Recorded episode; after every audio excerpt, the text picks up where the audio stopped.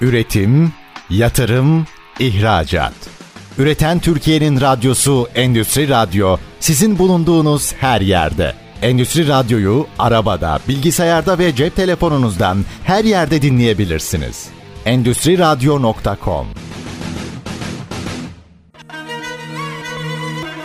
Nazlı Sarp'ın hazırlayıp sunduğu Makro'dan Mikro'ya Eko Mercek programı başlıyor. Makro'dan Mikro'ya Eko Mercek programına hoş geldiniz. Sevgili dinleyenler, ben Nazlı Sarp. Günümüzde gıdaya erişim hem ekonomi hem de sağlık olarak iki farklı konuyu öne çıkarıyor. Bu haftaki konumuz tam da bunları irdelemek üzere tarım ve gıda güvenliği olacak. Ve bu bağlamda yine çok kıymetli bir konuğum var. Kendisi hem bir tarım yazarı, hem bir fütürist, hem de Türkiye Tohum Platformu kurucusu Sayın Mine Ataman. Hoş geldiniz efendim. Nasılsınız? İyiyim, çok teşekkürler. Umarım herkes iyidir.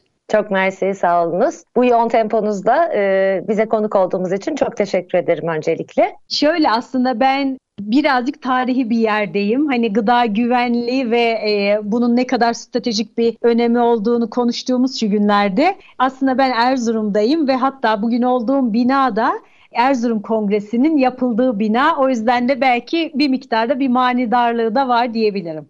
O şahane. Gerçekten söylediğiniz gibi oldukça manidar bir yer, manidar bir ilimiz. Evet efendim. Şimdi ilk soruma ben tarım sektöründen başlamak istiyorum. Zira son zamanlarda tarım sektöründe bir takım yenilikler yapıldı malumunuz. Öncelikli olarak planlı bir üretime geçildi. Çiftçi artık her istediğini ekemeyecek. Bunun dışında yıllar sonra yeniden tarım sayımı yapılacağına ilişkin gelişmeler var. Öncelikli olarak bunların etkilerini sizden rica edeceğim. Diğer tarafta bir de sözleşmeli olarak belli kurumlara üretim yapan çiftçilerimiz var. Şimdi bu yapısal değişiklikten sonra onların da nasıl etkileneceği konusunda bilgilendirmenizi rica ediyorum. Buyurunuz lütfen. Aslında üç e, konuya herhalde değineceğiz. İşte tarım sayımı, üretimde planlı dönem ve yine sözleşmeli tarım dediğimiz aslında e, hepsi birbiriyle alakalı konular. Şimdi e, genelde bu üretimde planlı dönem basından birazcık böyle üretimde planlı dönem diye internete yazdığınızda hep şöyle bir şeyle karşılaşıyoruz. Üretimde ceza dönemi. Bu, bu bana çok komik geliyor. Çünkü esasen dünyanın her yerinde yazılı bir anlaşma olmamakla beraber üretim zaten planlıdır. Bunu 100 yıl önce Avrupa, Amerika, Meksika kendi içindeki üretici örgütleriyle zaten bir plana dahil etmiştir ve ülkelerin hatta o ülkelerin ihracatına yönelik olarak da gıda arz ve talep dengesi, sürdürülebilirliği e, bu çerçeve içerisinde planlanmıştır. O yüzden de bunu böyle bir hani çiftçiye ceza dönemi geliyor gibi bir kere aktarmak e, bunun çok doğru olmadığını e, düşünüyorum. Bu şöyle güç düşünmek gerekiyor. E, nasıl ki demokraside merhaleler ka, e, kat ediyoruz. Aslında tarımsal üretimde de dönemler var. Yani tarım devrimi 12 bin yıl önceydi. İşte tarımda bir takım aşamalar kaydettik. Sanayi devrimiyle beraber 1950'ler yeşil devrim dediğimiz devrimdi. E, gübrenin kullanılması bir anda işte tarımsal üretimin artırılması gibi bir dönem yaşadık önü, bu günümüze geldiğimiz zaman da işte dünyanın bazı gelişmiş ülkelerinde tarımsal planlama aslında yıllar içinde hem kendiliğinden oturdu hem bir çiftçiler tarafında da herkes kendi bölgesine göre, ihtiyaçlarına göre ülkenin gıda güvenliği, güvencesi ve aynı zamanda da ihracat gelirleri, ihracatı da dikkate alarak bir yere oturdu. Şimdi Türkiye'de maalesef e, hem geçmişteki bir takım problemler hem arazi yapımız hem çiftçimizin sosyoekonomik durumu gibi pek çok sebepten ötürü esasen tarımsal üretimimizde bu planlama kısmını çok beceremedik bugüne kadar. O yüzden de bunun prensipte çok anlamlı olduğunu, doğru olduğunu, yapılması gerektiğini düşünmekle beraber Türkiye'de yapması çok zor. Niye? Çünkü tarım sayımına belki şimdi buradan geçebiliriz. Biz metriklemeyi sevmiyoruz tarımda hala da elimizde doğru veriler yok. Ne üretiyoruz, ne kadar üretiyoruz, kim üretiyor, hangi maliyetlerle üretiyoruz, bu ürettiğimizle ne kadar para kazanıyoruz. E, bir taraftan da biz bu ürettiklerimizle amacımız önce 80 milyonu doyurmak, sonra bunun bir bölümünü satmak, buradan bir para kazanmak gibi buralarda maalesef netlikler yok. Çünkü bizde tarımsal üretimi yapanlar çiftçi Çiftçiler köyde yaşıyor. Ee, biz bu köylülük meselesini bazen böyle tukaka ettik, bazen de köylülüğü özellikle de günümüzde böyle bir köylü severlik, böyle bir kırsal alana e, inanılmaz böyle bir ilgi duyarak onları böyle bir kutsadık. O yüzden de tarımla ilgili herhangi bir e, özellikle de kural koyucuların müdahalesi olduğu zaman konu çok yanlış yerlere gidiyor. E, ortada da tabii veri olmadığı için tüm bunları topladığınız zaman gelinen noktada Üçüncü etapta da işte önümüze e, madem bir şeyleri planlamamız gerekiyor, ta, madem bir tarımdaki verileri ortaya çıkarabilmemiz gerekiyor. Demek ki bizim aslında bu üretimi planlarken çiftçinin de şöyle bir kaygısı oluyor.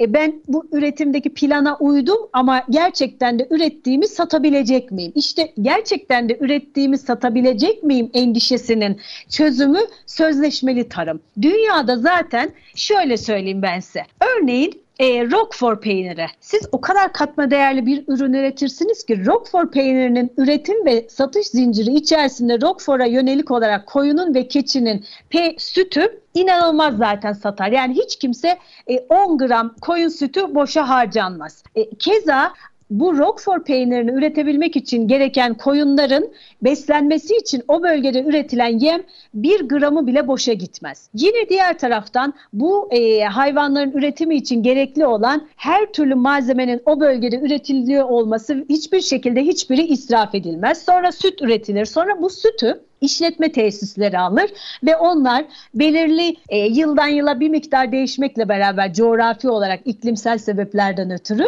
işlerler, peynire dönüştürürler ve dünyanın zaten belirli yerlerinden alıcılar vardır. Zaten onun belli bir fiyatı vardır. Çiftçinin belli bir aralıkta bir gelir garantisi vardır aslında.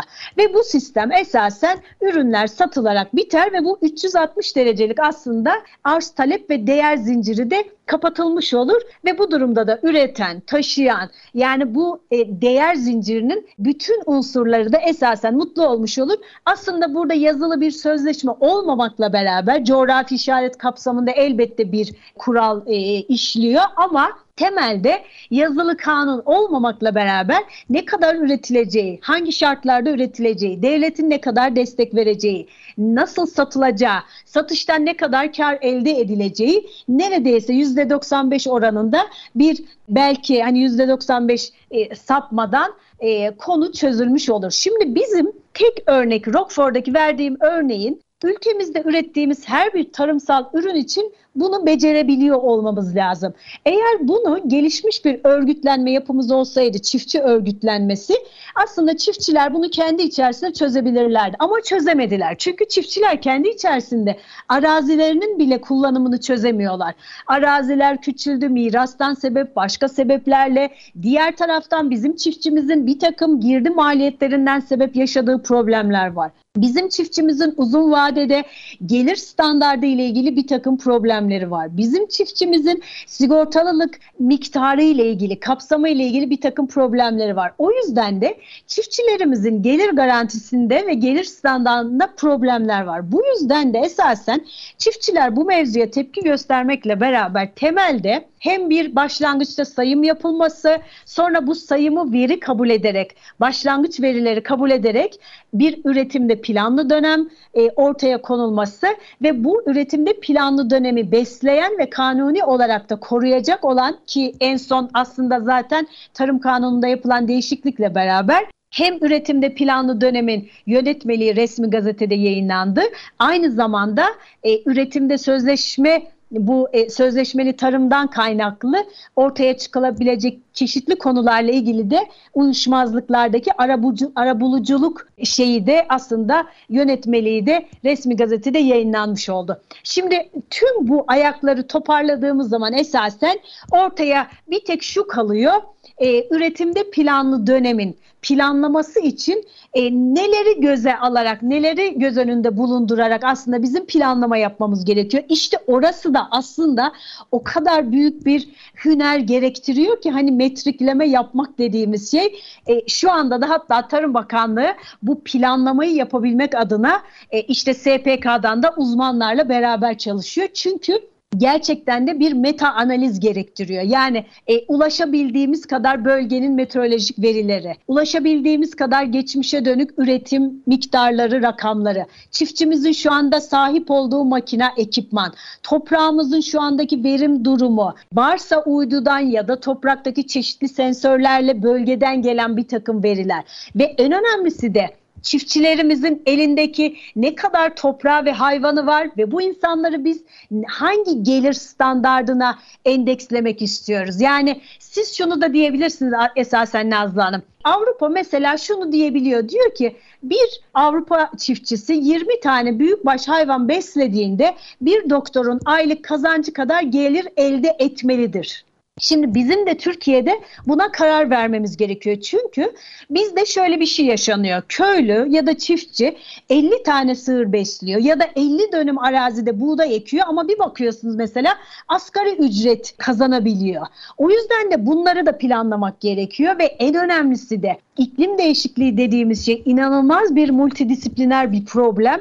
Tüm bu verileri meta analizle işlememiz gerekiyor ve önümüzdeki döneme yönelik olarak hem kendi karnımızı doyuracak gıda güvenliği güvencesini planlamamız gerekiyor hem aynı zamanda da bir hedef koyarak şunu dememiz gerekiyor. 2022 yılı Türkiye'nin tarımsal ihracat geliri 35.4 milyar dolarda. Şunu demesi gerekiyor. Ben bunu 50 milyar dolara çıkarmayı planlıyorum. Buna yönelik olarak da üretimimi şu şu şu bölgelerde şöyle arttırmayı planlıyorum.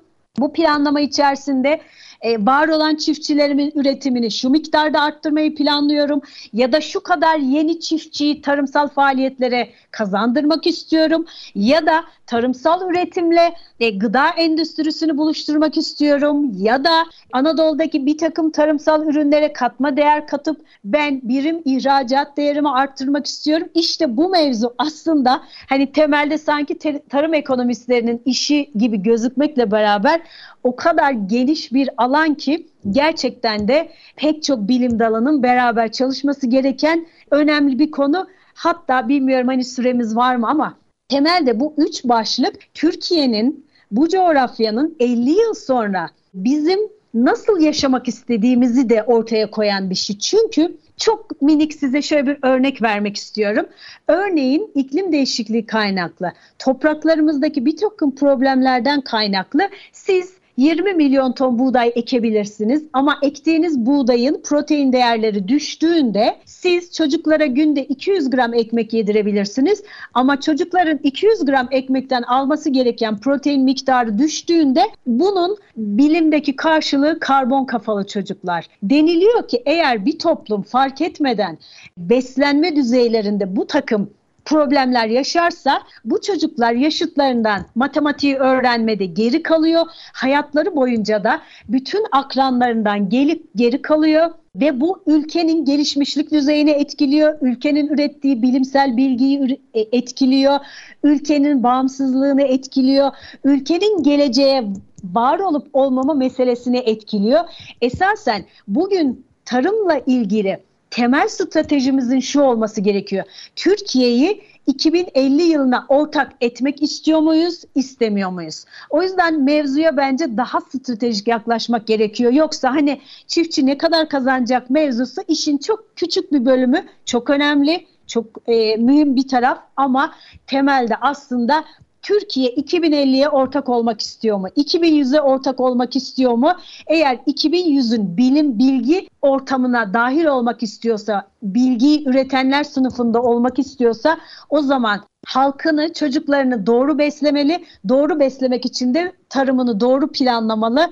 Bilmiyorum çok belki geniş açıdan konuyu biraz aktarmaya çalıştım ama Nazlı Hanım belki böyle başlangıç yapabiliriz. İnan gerçekten oldukça kapsamlı, oldukça detaylı bir analiz yaptınız şu süre içerisinde öncelikli olarak bravo.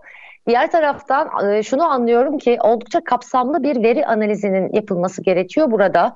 Üstelik de bu bölgeden bağımsız olmamalı. Çünkü burada bölgesel faktörler de bildiğim kadarıyla oldukça önemli.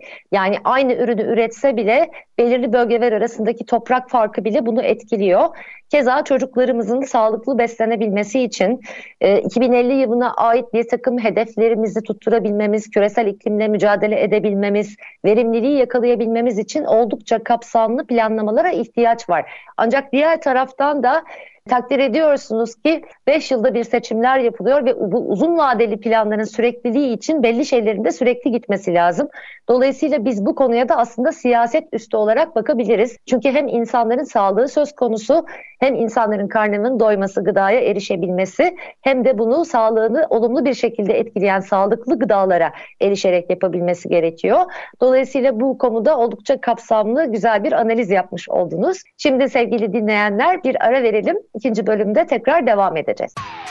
Üretim, yatırım, ihracat. Üreten Türkiye'nin radyosu Endüstri Radyo sizin bulunduğunuz her yerde. Endüstri Radyo'yu arabada, bilgisayarda ve cep telefonunuzdan her yerde dinleyebilirsiniz. Endüstri Radyo.com Makrodan Mikro'ya Eko Mercek programına tekrar hoş geldiniz saygıdeğer dinleyenler. Şimdi Mine Hanım, ikinci sorum şöyle. Son yıllarda ortaya çıkan ve popülist olarak açıkçası gördüğüm bir nokta var. O da bilhassa tohum üretiminde ilkel bir üretim anlayışının belli kesimlerce benimsenerek bir hobi düzeyinde uygulanması. Öncelikli olarak ilkel tarım tekniklerine kitlesel bir dönüş mümkün müdür? İkinci olarak ise sağlıklı, GDO'suz yani genetiği değiştirilmemiş tohum üretimini teşvik etmek için yapılması gerekenler sizce nelerdir? Buyurunuz lütfen. Belki onu hani ilkel demeyebiliriz. Tabii ki yani 10 bin yıl önceki tarım üretim modelimiz bugüne göre ilkeldi. Ama o zaman hani karın doyuruyor muydu? Elbette doyuruyordu ama birilerinin de ölümüne de neden olabiliyordu. Şimdi günümüze geldiğimizde dünya aslında iki türlü bir eğilimi var. Bir taraftakiler teknolojinin getirdiği her türlü nimeti çeşitli sektörlerde uygulayarak aslında verimi arttırmak farklı farklı bir takım e, modeller deniyorlar. Ama bir de bu aslında biraz Amerika ve Avrupa'dan çıkan bir ekol var. Onlar da e, daha antik tarımı kendilerine hani yol olarak belirliyorlar ve teknolojinin aslında tarımsal faaliyetlerde bir takım zararlara yol açtığını düşünüyorlar. O yüzden de çözüm olarak da aslında sağlıklı beslenme noktasında da çözüm olarak da aslında bir takım argümanları var. Deniliyor ki işte zaten bu yeşil devrim dediğimiz 1950'lerden sonra işte tohumun genetiği değiştirildi, bitkiler değiştirildi, beslenme alışkanlıklarımız değiştirildi. Sonuç bugüne geldik ve işte kanser vakaları çok gözüküyor gibi. O yüzden geriye dönmek istiyorlar. Antik zamanlardaki e, tarımsal faaliyetlerin yapıldığı haliyle tarım yapalım. Yine antik zamanlardan kalma tohumları ekelim. Şimdi tabii şöyle düşünün antik zamanlardaki tohumlar esasen çok kıymetli. İçerisinde bir takım genetik bilgiler ve o genetik bilgilerden kaynaklı inanılmaz mukavemetleri var ama bizim onları teknolojiye entegre ederek günümüzdeki ihtiyaçlarımıza göre planlamamız gerekiyor. Zira bu antik tarım seviciliği diyorum ben ona aslında böyle son yıllarda.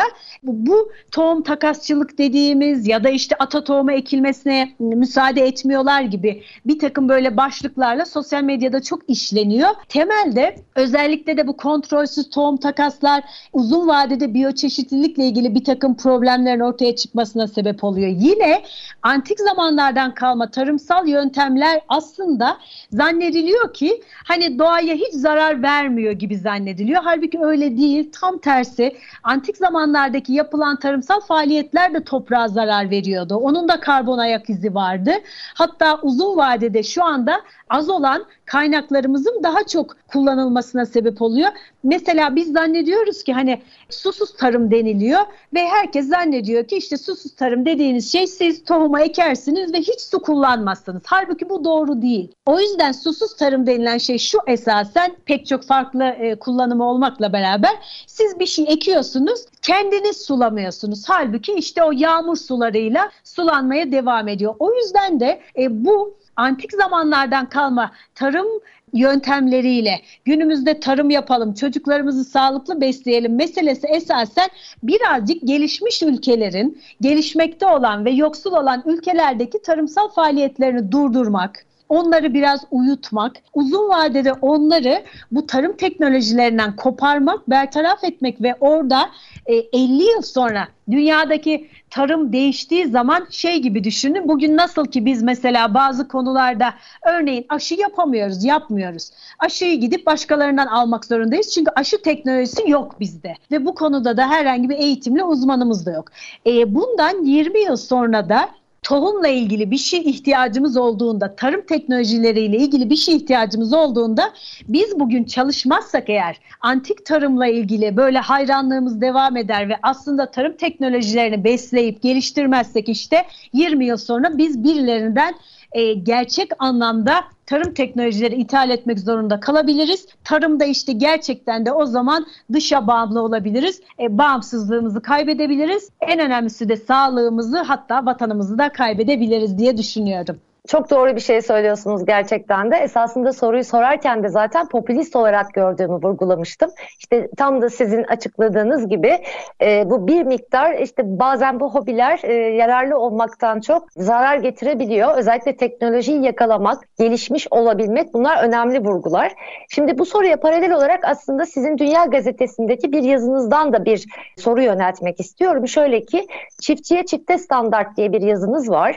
Bu yazınızı gerçekten çok önemli bir takım noktaları vurgulamışsınız. O da son zamanlarda yine moda, yine popülist bir akım olarak şehir hayatında profesyonel olarak başka bir iş alanına sahip ancak zamanla sıkılıp kırsal hayatı yaşamak isteyen insanların hayvancılık gibi, tarım gibi işlerle uğraşmak için devletten çeşitli sübvansiyonlar, yatırımlar almaları. E, ancak bunlar tabii ki bu işi e, ustası olmadıkları için, bu işi bilmedikleri için bir noktadan sonra başarısız da olabiliyorlar ne yazık ki. Diğer taraftan e, köyde aslında boşta bulunan bir takım gençlerimiz de var. Esasında o gençler başvurduklarında bu e, sübvansiyonlardan, bu desteklerden bazen yararlanamıyorlar. Dolayısıyla hani şöyle bir soruyla bunu birleştirmek istiyorum. Aslında hayvancılık, tarım göründüğü kadar e, kolay konular değil bir tür yaşam biçimi midir? Dolayısıyla aileden gelen aslında kişinin doğduğundan itibaren yaşadığı bir ortama ait bir konu mudur? Sonradan insanların şehir hayatından çıkıp bu tip şeyleri denemesi noktasında desteklenmesi mi yoksa köylerin mi gerçekten bu anlamda sizin belirttiğiniz gibi desteklenmesi önemlidir? Bu konulardaki görüşünüzü rica ediyorum. Buyurunuz lütfen. Aslında siz o kadar güzel özetlediniz ki şimdi bu Avrupa'da olsak cevabı başka. Amerika'da olsa olay çok profesyoneldir. Hatırlar mısınız? Dallas dizisi vardı. Evet. Mesela oradaki aile hem çok büyük petrol şirketleri vardı ama aynı zamanda da o Texas'ın en büyük çiftçisiydi. Yani şimdi Amerika'da bu soruya farklı cevaplıyorsunuz ama Türkiye'de ben çiftçiliğin aslında bir miktar askerlik gibi olduğunu düşünüyorum. Nasıl ki askerler hani ortaokuldan itibaren yatılı okurlar ve bir aidiyet hissederler ve o yüzden zaten cepheye gidebilirler, ülkeyi koruyabilirler. Kendi aralarında bir işbirliği var ve güven vardır. Bir vatan sevgisi de aslında o ortaokuldan itibaren askeriye de verilir. Şimdi bu Türkiye'deki aslında çiftçilik dediğimiz şey esasen ben size şöyle bir rakam vereyim. %80'inin çiftçilik dışında sabit sigortalı e, bir işi var ve geliri var. Yani bizim bu çiftçi dediğimiz şeyi e, böyle Avrupa Amerika'dakilerle e, karıştırmamak gerekiyor.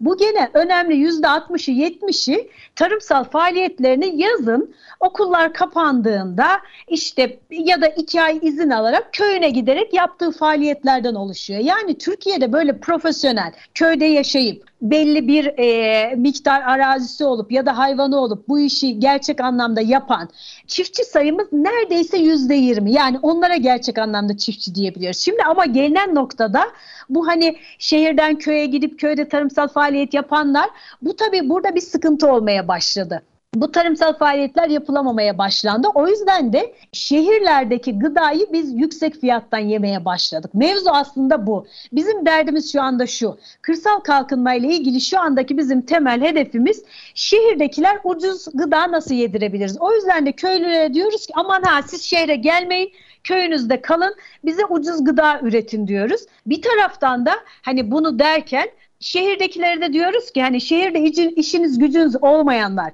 şehrin hatta varoşlarında yaşayanlar, şehrin eğitim ve bilgi sistemine katkı sunamayıp şehirde tutunamayanlara da diyoruz ki sen de köyüne git ben sana 3-5 bir şey desteklerim Git köyde üretim yap, gene şehirlilerin karnını doyur. Şimdi tüm bunlar aslında işin gerçeği iken sosyal medyada da bunun paketini farklı süslüyoruz. Öyle bir marketing paketiyle satıyoruz ki mevzuyu şuna dönüştürüyoruz. Genç çiftçi, işte yok uzman eller, o eller, bu eller derken sanki beyaz yakalılara, şehirden sıkılmışlara, farklı farklı böyle kategorideki insanlara şunu sanki biz öneriyoruz. Lütfen siz de köye gelin, köyde üretim yapın, ekin, biçin gibi onları da köye davet ediyoruz. Şimdi tabii bu esasen işte benim de bugünkü yazım da onu anlatmaya çalıştım ve bu insanlar aslında destekleri alıyor ama köyüne gidiyor.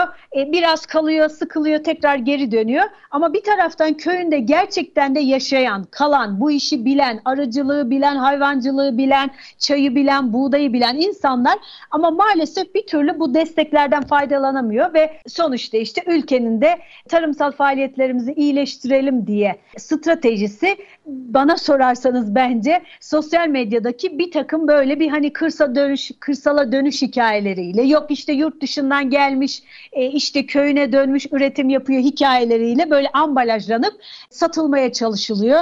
Yeni bir algı yaratılmaya çalışılıyor. İşte gençler köyüne döndü bilmem ne yaptı. Öyle bir dünya yok. Köyde o kadar hayat zor ki öyle elini kolunu sallayıp köye dönenler hiç de köyde muvaffak olamıyorlar.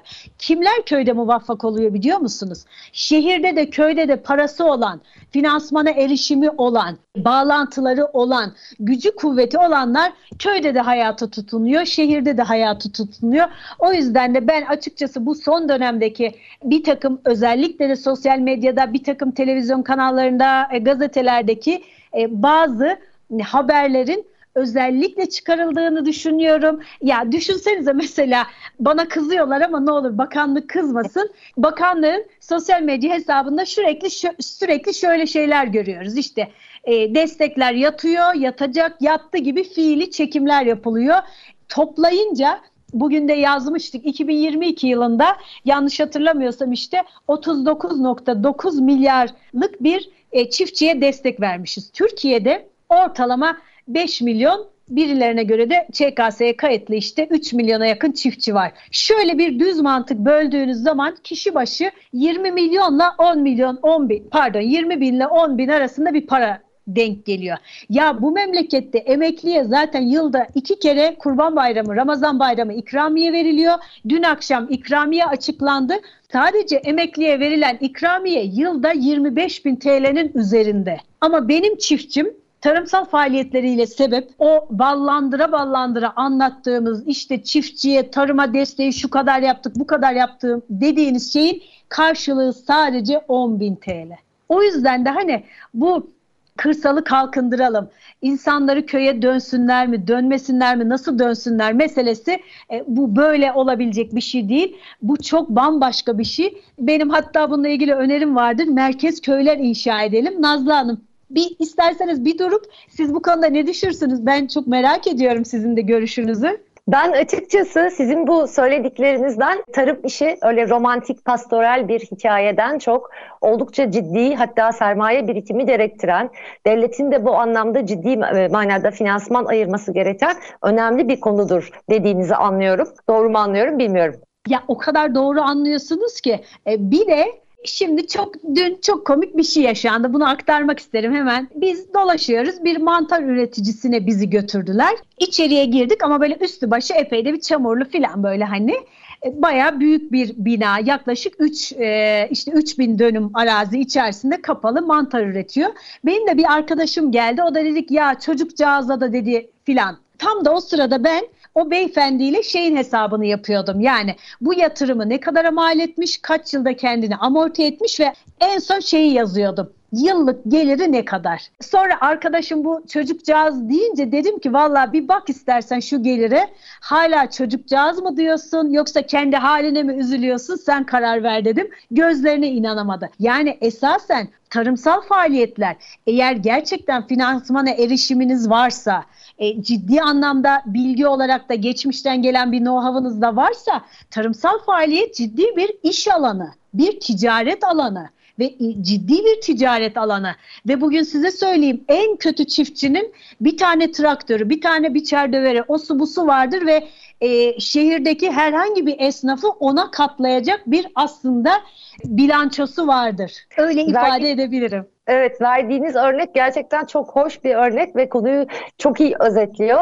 E, çünkü günümüzde hem tarım çok iyi para kazandıran bir e, sektör. Aslında eskiden de öyle yani baktığımızda toplumların gelişmesinde sanayiye sermaye aktarılmasında zaten tarım çok önemli bir görev üstlenmiştir. Keza bugün de öyle. E, diğer taraftan bugün teknoloji dolayısıyla esasında kalkınmada en önemli sektörlerden bir tanesi de haline gelmiş durumda. Hem de e, küresel iklim vesaire gibi çeşitli yoksunluklar, sıkıntılar nedeniyle. Dolayısıyla bahsettiğiniz gibi gerçekten de oldukça ciddi, yoğun sermaye birimi, e, birikimi gerektiren bir konu. Öyle romantik, pastoral bir hikayeden ibaret değil. Çok özür diliyorum. Hani şunu belki söylemekte fayda var. Nasıl ki şehirlerde asgari ücret toplumun yüzde ellisi oldu neredeyse. Tabii ki tarım yapanların arasında da asgari ücret kadar geliri olanlar var. Bu çünkü toplumun temel problemi zaten. Sadece yoksa tarıma özel bir şey değil. Tabii ki bu da çok doğru bir tespit. E, çünkü zaten ekonomi genel anlamda belirli bir strüktüre sahiptir. Buradaki gelir dağılımı tabii ki pek çok sektörümüz için de geçerli. Ancak yine de bu işi profesyonel düzeyde yapabilenler ciddi bir sermaye birikimi de oluşturabiliyor anladığım kadarıyla. Efendim çok güzel gidiyoruz. Şimdi tekrar bir ara veriyoruz sevgili dinleyenler. Görüşmek üzere. Üretim, yatırım, ihracat. Üreten Türkiye'nin radyosu Endüstri Radyo sizin bulunduğunuz her yerde. Endüstri Radyo'yu arabada, bilgisayarda ve cep telefonunuzdan her yerde dinleyebilirsiniz. Endüstri Radyo.com Makrodan Mikro'ya Eko Mercek programına tekrar hoş geldiniz sevgili dinleyenler. Küresel ısınma, savaşlar, darbeler ve göç insanlık bir abluka altında ve elbette insanların yeterli ve sağlıklı beslenebilmeleri kilit bir öneme haiz. Siz öncelikli olarak yakın gelecekte dünyadaki gıda tehdidini ne ölçüde görüyorsunuz? Ülkemizi merkeze alacak olursak artan nüfus ve her geçen gün azalan tarım alanları hatta su konusunda risk taşımamız bizi nasıl önlemler almaya götürmeli Mine Hanım? Son sorum olarak da bunu sizden rica edeyim. Buyurunuz. Şimdi ben bunu çok hızlıca özetlemek isterim. Yakın gelecekte yani buna bir 10 yıl dersek iki türlü gıda krizi var. Aslında gıdamız var. Birleşmiş Milletler Genel Sekreteri Antonio Guterres çok tatlı bir adam. İnanılmaz da böyle şiir filan seven bir adam. O mesela ara ara böyle gaza gelip açıklamalar yapıyor. En son şey demişti. Gıdamız var ama paylaşamıyoruz. Evet çok gıdamız var paylaşamıyoruz. İşte savaşa tutuşuyoruz. Hatta diyoruz ki gıdayı kenara koyuyoruz depoya. Bununla insan türünü terbiye edeceğiz diyoruz. Bu ama hep böyle 10 bin yıldır hep böyle. Şimdi gıdamız var paylaşmak istemiyoruz. Gıdayla terbiye etmek istiyoruz ve üstüne Afrika gibi ya da başka ülkelerde de hatta bizim ülkemizde gıdaya erişimin fiyatını yükseltmek istiyoruz. Diyoruz ki aslında Afrika'da da başka ülkelerde de ya da bizde bile yani. Sen bin lira mı kazanıyorsun? Bunun 500'ünü karnını doyurmaya harca. Kalan 200'üyle de işte ne bileyim hani işe git eve gel. Kalanıyla da belki bir hani çok kötü bir telefon al. Kötü değil hatta bir telefon al. Başka da hiçbir şekilde eğitime geleceğine yatırım yapma. Teknolojiye yatırım yapma. Sen hani ne öldürürüm ne güldürürüm diye bizi esasen bakın gıdanın fiyatını da yükselterek yine bizi yönetiyorlar. Yani bizim aslında hiçbir zaman teknolojide ileri gitmemizi de istemiyorlar. Şimdi bu nasıl yönetiliyor? Ben buna şey diyorum. Paris'te bir iştahları ayarlama enstitüsü var. Burası acayip güzel çalışıyor. İnanılmaz burada çalışanlar var, lobiciler var, Bunların bir takım böyle marketingle ilgili inanılmaz çeşitli kampanyaları var ve bunlar bizim zihinlerimize gidiyor ve bizim zihinlerimizi, duygularımızı ve kararlarımızı manipüle ediyorlar. Ee, bazen diyorlar ki işte gıda krizi var, iklim krizi var. Mesela geçtiğimiz yıl bir tane kadın var. Dünyanın en büyük tarım lobi şirketinin CEO'su çıktı şöyle dedi. Dedi ki son 8 hasadı yapacağız dedi. Yani 8 yıl sonra dedi bir daha hasat yapamayacağız dedi. Ve insanlar böyle inanılmaz şok yaşıyor. Amerika'da bir taraftan işte bu Bezos'un, işte Bill Gates'in, bu Melinda Vakfı dışında bir tane daha vakıfları var ve o vakfın da aslında amacı şu gıdanın yok olma ihtimaline karşı insan türünü doyurabilecek çeşitli alternatif gıdaları üretme teknolojilerini yaratma ve aynı zamanda da insanların bu teknolojiyle buluşmasını, bu teknolojiyi kabul etmelerini sağlayacak bir ön psikolojik ortam yaratma. Böyle de bir hedefi var bu buranın. O yüzden de mesela Amerika'dan da şöyle şeyler gelmeye başladı haberler. İşte yapay etler, gıdalar, Örneğin mesela bir ay boyunca bir tane bebek markasının işte bir problem yaşandı. Bebekler mama yiyemediler mesela. E, hemen o sırada mesela bu vakıf dedi ki ben dedi projelerimi hızlandırıyorum dedi. E, gibi esasen işte gidiyor mesela Bill Elon Musk e, X'i alıyor. İşte orada bir takım yine bu manipülasyonun elbette bir parçası. Sonuç bütün bunları yaparak aslında bize bizi bu orta vadede e, az yemeye, sadece paramızı gıdaya harcamaya ve sonuçta da işte bilimde teknolojide ilerleyememeye sebebiyet verip 30-40 yıl sonrasında da esasen amaç şu gerçekten de iklim değişikliği sebebiyle bütün bugün ürettiğimiz gıdaların e, yaklaşık %60'ını 70'ini üretemez hale geleceğiz. E, gerçekten burada. dehşet verici yalnız anlattıklarınız şu ana kadar. Dehşet. Gerçekten. Ama gıda sorunumuz kalmayacak. Çünkü e, bu azalan yani üretebildiğimiz bu yüzde otuz gerçek gıdayı fiyatı çok yüksek olacak. O kadar yüksek olacak ki onu o dönemin bilim ve teknolojisini üretebilen, parası olan soylular onlar tüketiyor olacak. Ama bizim gibi diyelim ki o günün bilgi bilim üretemeyen yani o network'ün içinde olamayanlar da bizler de iklim gettolarında bizim için üretilmiş ve belki de bedavaya dağıtılacak ekmek hapını işte ne bileyim un kurdundan yapılmış bir pesto soslu e, belki işte makarna farklı bir üründen yapılacak. Biz bu makarnayı yiyeceğiz. Akşama mesela yediğimiz tatlının içerisinde belki yosunlarla yapılmış bir tatlı yiyor olacağız ve bunları da dediğim gibi bize muhtemelen bedavaya dağıtılmış olacak bunlar ki biz zaten bundan 30 yıl sonra günümüzün neredeyse 9-10 saatini zaten bilgisayar başında Metaverse'te farklı farklı hazlarla hem ruhumuzu hem de midemizi doyurmayı e, öğrenmiş olacağız zaten. O yüzden de biz aslında hiç isyan bile etmeyeceğiz.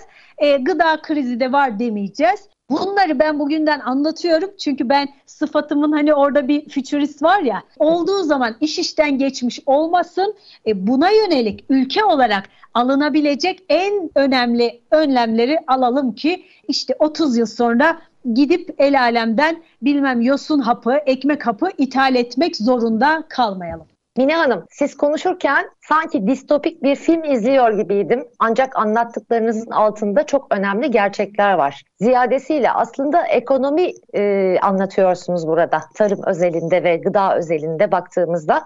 Dünya zaten e, o anlamda oldukça kötü bir yere doğru gidiyor paylaşım konusunda. Diğer taraftan gıdanın oluşturmuş olduğu sağlık tehdidi, bilhassa demin bahsetmiş olduğumuzda sentetik yapay işte gıdalar hiç de aslında gerçek dışı değil her ne kadar distopik olarak benzetme yapmış olsam da. Dolayısıyla işte burada kilit soru ülkemizi bu durumdan kurtarabilmek için ivedilikle yapılması gerekenler sizce nelerdir ki siz bir fütüristsiniz demin de belirttiğiniz gibi bu bağlamda görüşleriniz çok önemli, çok aktif ve faalsiniz. Bize anlatır mısınız lütfen? Ya ben şöyle düşünüyorum. Bu az önce bahsettik ya böyle bir antik tarım hayranlığı. Herkesi böyle kıra yollayalım. Herkes kendi işte domatesini üretsin. E, balkonunda çiçek beslesin. Hobi bahçelerinde hobicilik oynasın gibi bu mevzular tamamen toplumun bir belki amiyane olacak ama hafif gazını alalım sakinleştirelim. Onların böyle aslında büyük fotoğrafı görmelerini ve hatta algılamalarını çok da önleyelim e, mevzuları olduğu için esasen önümüzdeki dönemde dediğim gibi dünya bir yere doğru gidiyor zaten teknolojik olarak da ekonomik olarak da kaynakların bu kadar çok kötüye gitmesi. Bunun dışında kalabilmenin yolu biz bu gıdaları yemek zorundayız. Çünkü bunu ben söylemiyorum. E, gezegenimiz yaratıldığından beri e, her ortalama 100-150 bin yılda bir büyük buzul çağı yaşar. Her büyük buzul çağında aslında türler değişir. Örneğin dinozorlar ölmeseydi, meteor çarpıp dinozorlar ölmeseydi insan türünün var olması mümkün değil. Örneğin e, bazı gergedan mesela diyelim ki var olabilmesi için ondan önceki başka bir türün yok olması gerekiyor. Bu bir aslında e, gezegenin sürdürülebilirliği ile ilgili bir durum. Şimdi bir kere zaten önümüzdeki 50-60 bin yıl sonra Amerika ile Asya kıtası birleşik tek bir kıta haline gelecek. Amasya olacak adı. Adı da belli zaten Amasya. Şimdi bu, bundan da daha kısa bir süre dünya yine her 10-15 bin yılda bir küçük buzul çağı yaşar. Küçük buzul çağında da e, genelde şöyle şeyler olur. Geçmiş zamanlardan e, gördüğümüz ortalama iklimi elverişli olmayan, hali vakti yerinde olmayan, parası pulu olmayan, sığınaklara gidemeyen, kendilerini doğru bir takım koruyabilecek o dönemin döneme has konfor unsurlarıyla beslememiş olanların da o insanların da yaklaşık %70'i 80'i hayatını kaybediyor. Nitekim milattan önce 13 bin 14 bin yıllarında bu son küçük buzul çağı dediğimiz çağda aslında dünya büyük bir soğuma yaşadı ve bu soğuma döneminde de işte insanlar zaten donarak öldüler.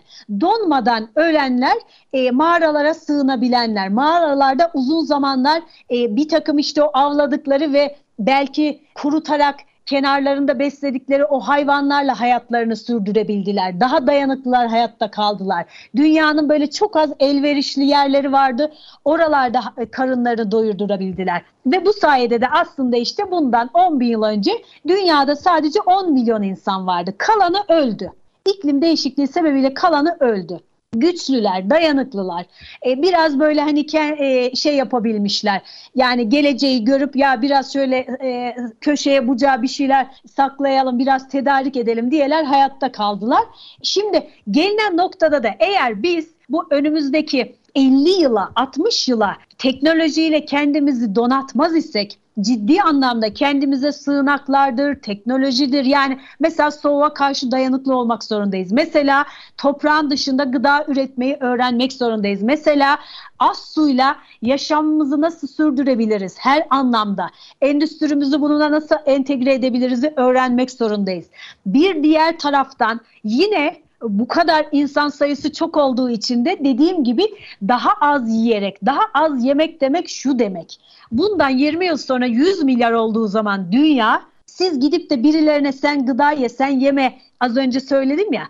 Bunu yapmak, yapacaklar, yapılacak zaten. Yani üretilen hiçbir gıda ile hiç kimseyi doyuramazsınız. İklim değişikliği kaynaklı zaten gıda üretemeyeceğimize göre o zaman biz 20 yıl sonra, 30 yıl sonra insan türünü hatta hayvanları da besleyebilecek alternatif gıdalar üretmek zorundayız. Belki uzattım mevzuyu ama bilim insanları şunu söylüyor. Mesela Paris Sözleşmesi'nde deniliyor ki sıcaklığı bir buçuk derece düşürelim.